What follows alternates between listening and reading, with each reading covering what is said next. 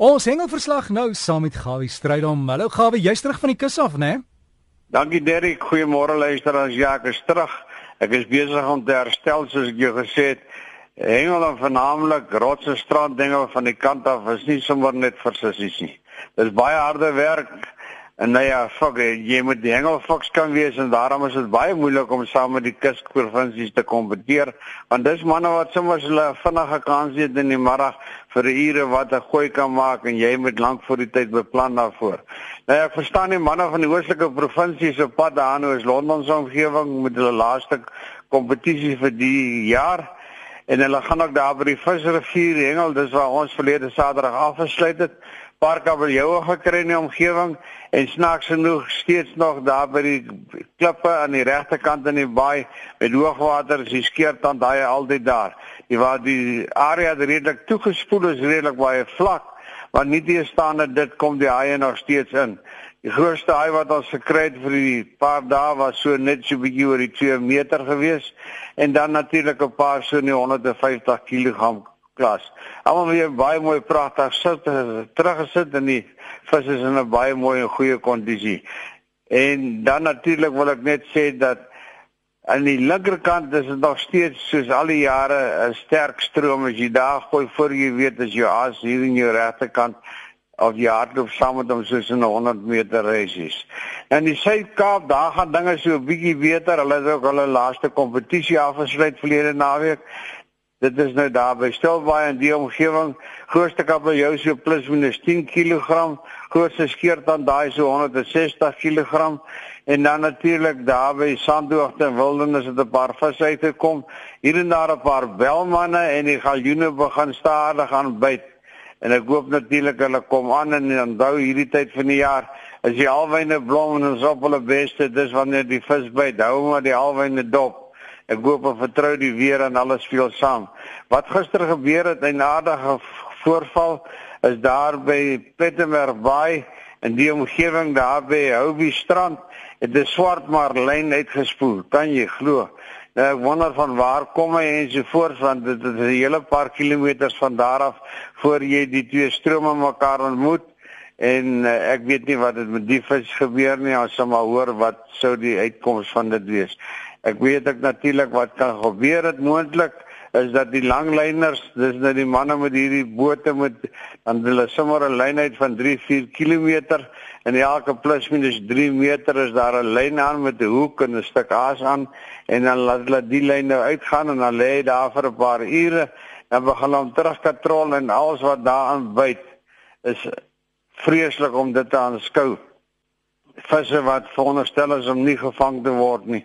En die eerste verhaal is natuurlik die hoeke wat op daai lyne vasgemaak word is van stainless steel factory staal en dit is natuurlik hoeke wat nie maklik uit 'n vissebek uitkom nie. Inteendeel bykans nooit nie. Nou ja, terug aan die Weskus, daar verdoen nou die mense vir my navraag. Dis kon tog en vra waar is die snoek dan nou? Wat het van hulle geword? Nee, die snoek is nog daar. Nou ja, dit lyk my dis daar in die omgewing van die baie. Dis sê vir my dit is nou die man af van Benguela en Saldanha Bay. Hy sê by St Helena Bay en by Lammers Bay het hulle nou weer hier in die week 'n paar snoeke gekry. Hy sê die kommersiële bote vang so plus minus 200 op 'n dag. Wat nou nie baie vir 'n kommersiële boot is nie want die koste is geweldig baie hoog en ek dink die wins is maar baie min. Maar hy sê die visse is baie mooi groot. Hy sê hulle byt baie skelm. Dis nie sommer so snoek wat jy sommer net vang en uittrek onder die blad gooi en sy nek breek en hy hoek uit laat val en daar gaan die dolly weer nie. Nee, hulle is baie slang. Hy sê en hulle byt so klein klein klein fyn en voor jy weet het hulle die hele aas diep ingesluk en as jy hulle ingetrok kom hulle saam tot by die boot en as dit dan mense sien die vlieg daarom en dit is dan wanneer hy die lyntjie afwy dit is nie so nie. Hulle moes natuurlik hier en daar 'n paar staaldraadjies aansit wat nie normaal is om snoekengel nie wanneer jy koop julle het sukses en die visse kom bietjie meer uit. Terug na die oostelike provinsie toe Nella sê vir my die elwe was nog steeds baie mooi in die, in Port Elizabeth en die omgewing en hier en daar kom daar 'n paar mooi kabeljoue. Dit lyk my die kabeljoue gaan die jaar baie goed vang.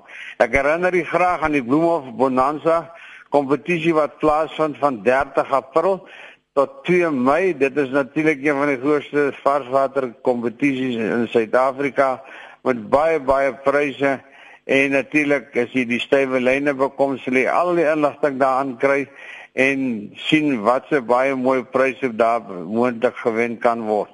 Gepraat van die stywe lyne, dis met groot weemoed dat ons verneem dat die redakteur van die stywe lyne George Theart oorlede is.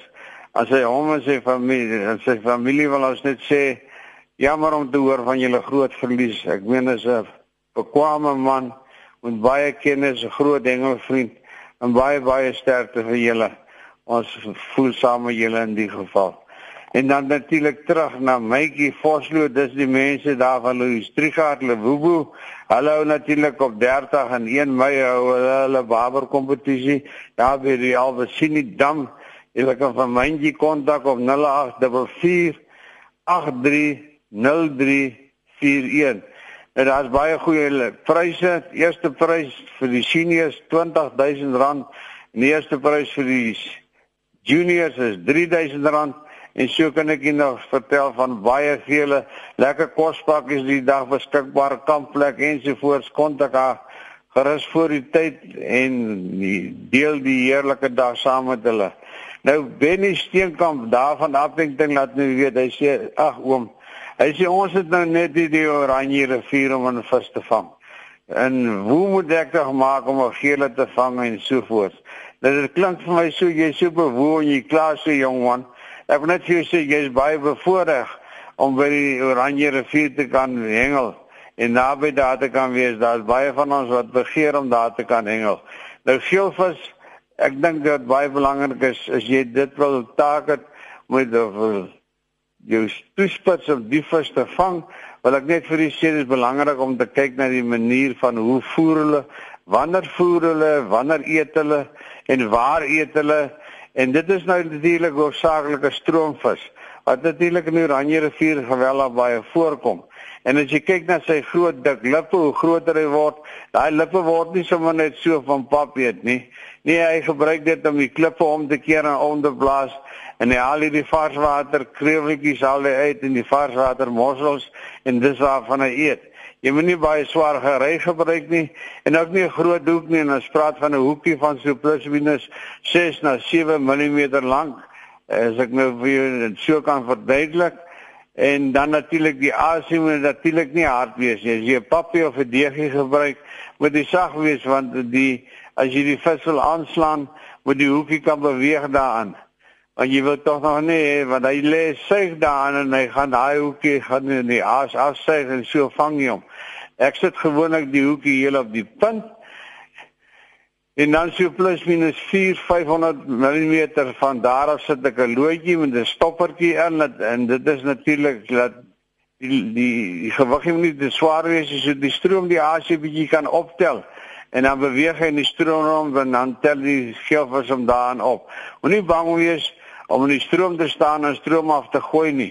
En as jy stroom af gooi van jou af, gooi net so 4, 5 meter voor jou. Die vis is nie ver weg nie want hoe verder jy gooi, hoe meer is die kans dat hy gaan vassit. Ek sal weer verder met jou kontak maak. Benny en ek hoop en vertrou jy baie baie sukses. Dan wil ek net vir u sê, onthou natuurlik van die opname wat gemaak word, gaan dan by Trees by Facebook En help asseblief daar vir die manne om al die inligting op datum te kry en u sal voordeel trek daai. Dan natuurlik via via dit Ingram sê sy's daarvan live the journey van die Parel sy's besig om 'n toer van Loudres tot by Walvis Bay te reël en waarin twee dae se hengel ingesluit word. Hulle reël vir die nodige permitte. Dis 'n unieke geval.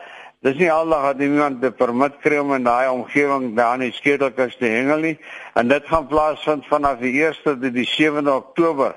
Jy kan haar gerus kontak op 021, dis net daar in die Parel 8636409 en jy kan 'n lekker hengeltyd saam met hierdie toer meemaak.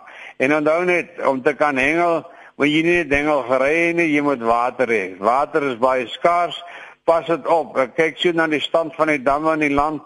Dit lyk my ons het gemiddeld 28 tot 30% minder water in die oorstemmende tydperk as dan verlede jaar. Dis kosbaar. Daar gaan 'n tyd kom wat hier nie water in die land gaan wees nie. En ons hengelaars net gaan in die tydskrifte bly oor die goeie ou dae. Liefde groete. Hou ons water skoon, ons plekke skoon en geniet die dag. Selfs vir jou Gawie en lekker naweek vir jou. En dit dan Gawie stryd om die hengelverslag. As jy enigting nodig het vir Gawie wil epos met 'n bydra maak so by gawievis by gmail.com is gawievis by gmail.com